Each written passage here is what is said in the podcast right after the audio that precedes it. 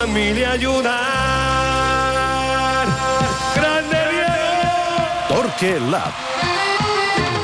Passant gairebé dos minuts de dos quarts de vuit del vespre, aquí en directe a tot costa des de la plaça Catalunya. Avui, a un Torquelab en directe, que em fa molta il·lusió. Un aplaudiment pel senyor Ricard Torquemada.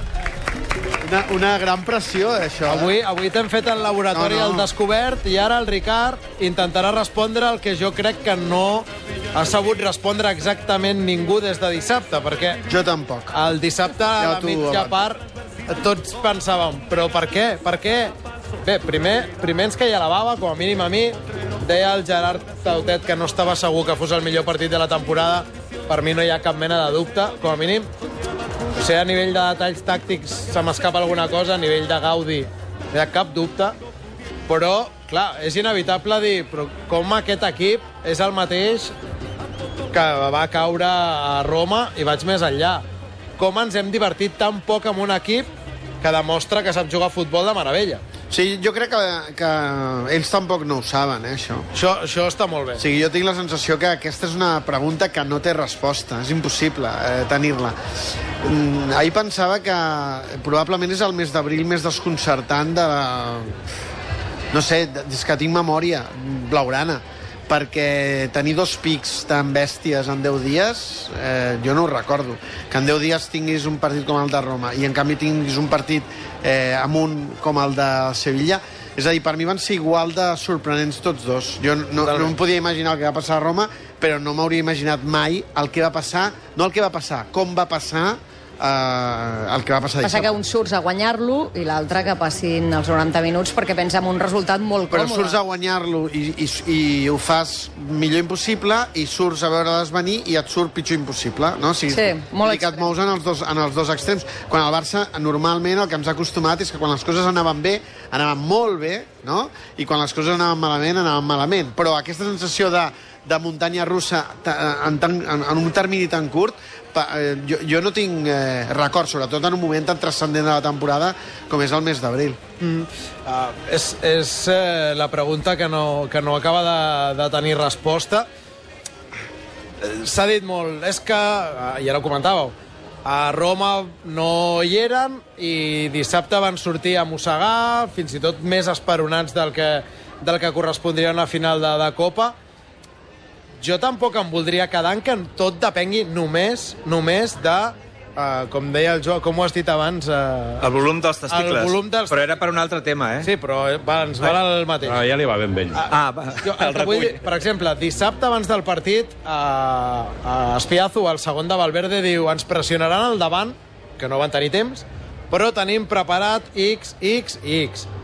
Jo a Roma vaig tenir la sensació que això no existia, i en canvi l'altre dia és evident, fins i tot el Missilesen del l'1-0, Sí. allò està treballat, allò no és casualitat. Segur, segur. Eh, jo, jo crec que, com passa normalment al futbol, és difícil buscar una causa, fins i tot dues, no? Es barregen moltes coses i s'ajunten. I, I jo crec que el que l'equip va sentir era un, orgull, un punt d'orgull ferit, eh, la necessitat de reconciliar-se, un deute, per tant, la, la, la tensió... A mi em va sorprendre que l'equip jugués amb tanta il·lusió i tan poca por un partit que només penalitzava, no, gairebé no sumava. Va sumar o ha sumat per, pel com, però diríem que era una competició que el que hem anat llegint i sentint fins i tot des de, de, de portes a dintre eh, no s'esperava que fos un, un partit determinant. Jo crec que quedaven dos partits. Home, pel que hem anat llegint, l'entrenador i els jugadors es veu que jugaven molt. L'entrenador especialment, es veu. Bé, però sí, sí, el que vull dir és que no li donaven gaire valor a aquest títol, no? No, no. Eh, Fins i tot diríem que... No, no, que, el resultat es era... podia, es podia era fer doblet i després si el resultat era el de menys, no? En, eh, jo, jo crec que, que la- l'equip eh, interpreta el partit molt bé i jo crec que hi havia un punt de tensió prèvia de, de, de saber que et pressionaria Nadal, que no tornés a passar el mateix, eh, però jo veure l'entusiasme de l'equip des del primer minut en un partit com aquest em va, em va impactar. Eh, però no era només entusiasme, com dius, eh, la capacitat que va tenir per saltar la pressió Busquets i Rakitic constantment sobre Vanega i Enzonzi és el que li passa al Barça normalment. És a dir, el Barça va fer la pressió que normalment li fan al Barça, els, do, eh, els dos davanters contra els centrals, els mitjcentres contra els mitjcentres, els laterals amunt, eh, l'equip cada cop que perdia la pilota corria endavant i no corria enrere, fins i tot eh, en alguns moments de manera temerària. El que passa és que tothom tothom va multiplicar les ajudes i això va fer que, que l'equip se sentís còmode i atropellés el Sevilla. Jo entenc el drama que s'ha organitzat a Sevilla, però entenc que és que el Sevilla no va poder reaccionar Totalment d'acord. Jo a, crec... a la tempesta. A mi no em sembla just ara dir no, molt bé el Barça, però és que el Sevilla no hi era. No? Per mi, el Sevilla no hi va ser perquè no li van deixar... No, no el van deixar ni entrar. El mateix equip que fa tres setmanes Sí, sí. et va esborrar del No t'ha esborrat del mapa perquè va aparèixer. El que passa és que també som en un moment eh, vital i social en què el resultat té tanta força i una victòria i una derrota que la gent ja no... Eh, diríem que no es queda en el text del, del, del partit. I a Sevilla cou que sigui un 5 a 0 sense adonar-se'n del, del que va passar. I en el cas del Barça, eh, a mi, a mi eh, el dubte que, que em genera és quan deies per què això ho pot fer l'equip, ho podria fer més vegades, jo tinc dubtes sobre si aquest equip pot tenir l'hàbit de competir així de manera regular. Una cosa és fer un dia, Evident. fer-ho dos, tindrem la prova del Barça-Madrid, que per mi és una prova capital, és a dir, veure si l'equip pot, pot, pot programar-se dues vegades per tenir un partit amb aquest rendiment futbolístic, o si no, perquè jo tinc algun dubte sobre que pugui ser regular en aquest comportament i que, i que per tant, quan dius per què ens hem avorrit tant, per què ha tardat tant en això en arribar, doncs perquè diríem que les condicions adequades de la fórmula eh, aquest equip no les pot interpretar cada dia, sinó que depenen una miqueta del context, depenen una miqueta d'ells mateixos, depenen una miqueta del que fa el rival, i aleshores mm, abans estàvem més acostumats a dominar l'escenari i comportar-nos així en el moment en què volíem. Jo ara tinc el dubte. Si el Barça-Madrid va per aquesta línia, i aleshores ja podem començar a pensar que en bruixes. Clar, tot, evidentment tot va lligat. La pilota no corre amb aquella fluidesa si no hi ha una recuperació immediata, etc etc. Però d'alguna manera en els últims temps ens han venut allò de... És que, clar, allò, allò, allò del 2011, i allò ja no es pot tornar a fer. No. Aquests tios en saben de jugar a futbol. Una altra cosa és que puguin competir així cada dia, o que ho puguin fer molts cops seguits.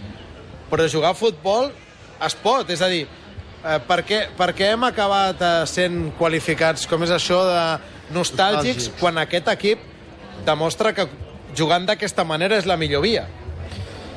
Doncs per, per, perquè tenim el dubte de si això pot, quina regularitat pot tenir. És que un partit com el que va fer el Barça ahir el poden fer pocs equips, però, sí, sí. però, però hi ha equips que el poden fer.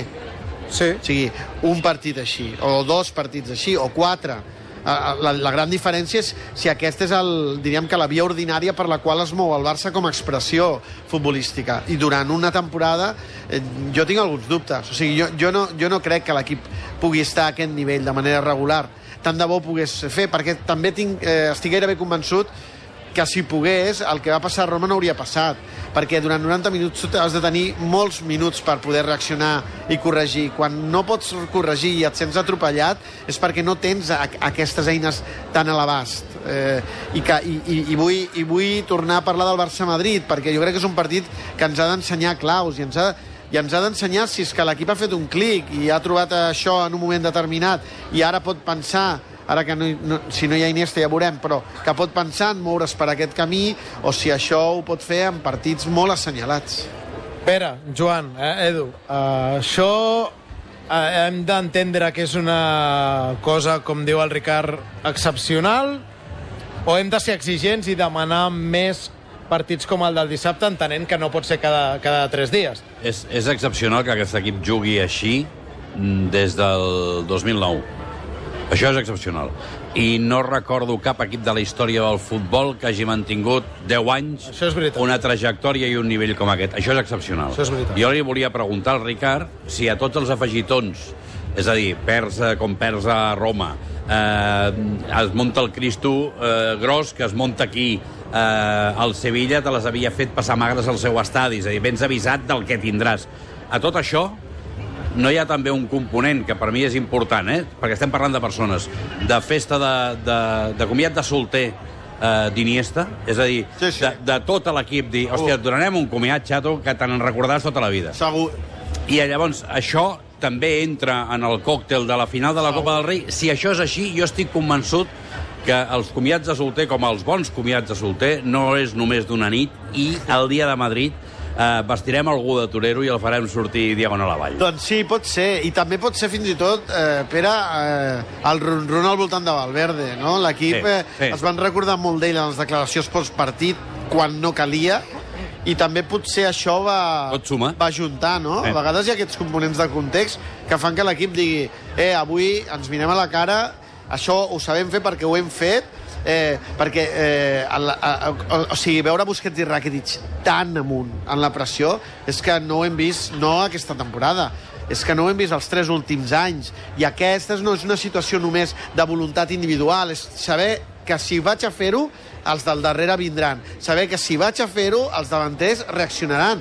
Messi es va empatitzar amb la, amb la intensitat fins al punt que en un moment de temporada on està tou, va fer molts esforços defensius, quan un dia que no calia. Mm. Diríem, l'equip va anar fins al final, com si hagués de remuntar una eliminatòria, quan era una final. Això no s'ha vist mai. És a dir, allà hi havia alguna cosa eh, clavada que l'equip eh, el passigava. És que aquesta és l'altra pregunta. Uh, abans dèiem millor partit del Barça aquesta temporada. A mi el que em costa és anar enrere Sí, sí. i recordar-ne un de tan perfecte Sí, sí. que l'era Luis Enrique n'hi ha molts de molt Hem bons, d'anar al triplet, al triplet del 2015. com a mínim. Sí, no, no, jo crec que el triplet del 2015 eh, hi ha algun Barça-Paris Saint-Germain al Camp Nou on l'equip fa un, un, és un punt d'inflexió eh, i jo crec que en aquella part final fins i tot algun partit contra l'Atlètic de Madrid eh, que jo crec que l'equip està, està molt bé. I jo crec que va connectar amb la memòria. Eh, el que més m'impressiona és que l'equip continuï tenint aquesta gana com deia el Pere, que vagi a una final de Copa que a la gent li feia mandra i a l'equip no li faci. O sigui, encara que tinguessin un deute pendent, eh, hi ha esportistes que tenen un deute pendent i no són capaços, diríem, de d'assumir que han de fer un, un, doble esforç. I aquest equip té una capacitat per competir bestial. Per això allò de Roma sorprèn És que encara. el que li feia mandra a aquest equip no era la final de Copa, era el quart de final de la Champions, perquè el donava per, per fet. Jo, arrel de, del que deies, volia fer dos, dos comentaris. Podem ser exigents amb aquest equip perquè repeteixi el partit, perquè si ho pots fer una vegada ho pots fer dos, i ho pots fer cinc. Segurament no pots fer 56, però ho pots fer diverses vegades. Però també li hem d'exigir que no faci partits com el de Roma, perquè a mi la principal diferència entre el partit de Roma i el partit de Madrid és la predisposició mental de l'equip. Totalment. És a dir, juguen 9 dels 11 mateixos, eh? I un, I un dels canvis és el porter, amb la qual cosa no s'explica la diferència amb el canvi de jugadors. 9 de 11 són els mateixos. I la predisposició mental te la marca, per exemple, el mateix Jordi Alba, que és un dels que després de la final diu que la culpa és dels jugadors i que han de disculpar l'entrenador.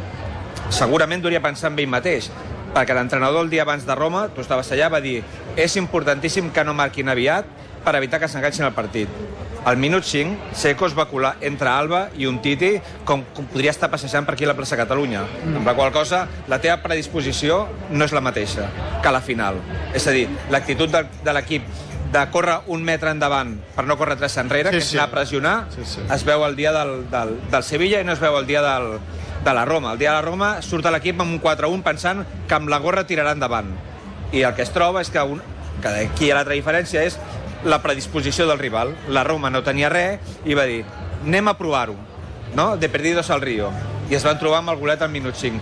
El Sevilla surt a la final acomplexat davant del Barça, perquè jugant el gran partit de la temporada està guanyant 2 a 0 el, el Sánchez Pizjuán i amb 47 segons li empata, ja surt acollonit a la final. Més enllà de que tampoc té l'hàbit del Barça que juga a la final sabent o pensant que la guanyarà. Per què?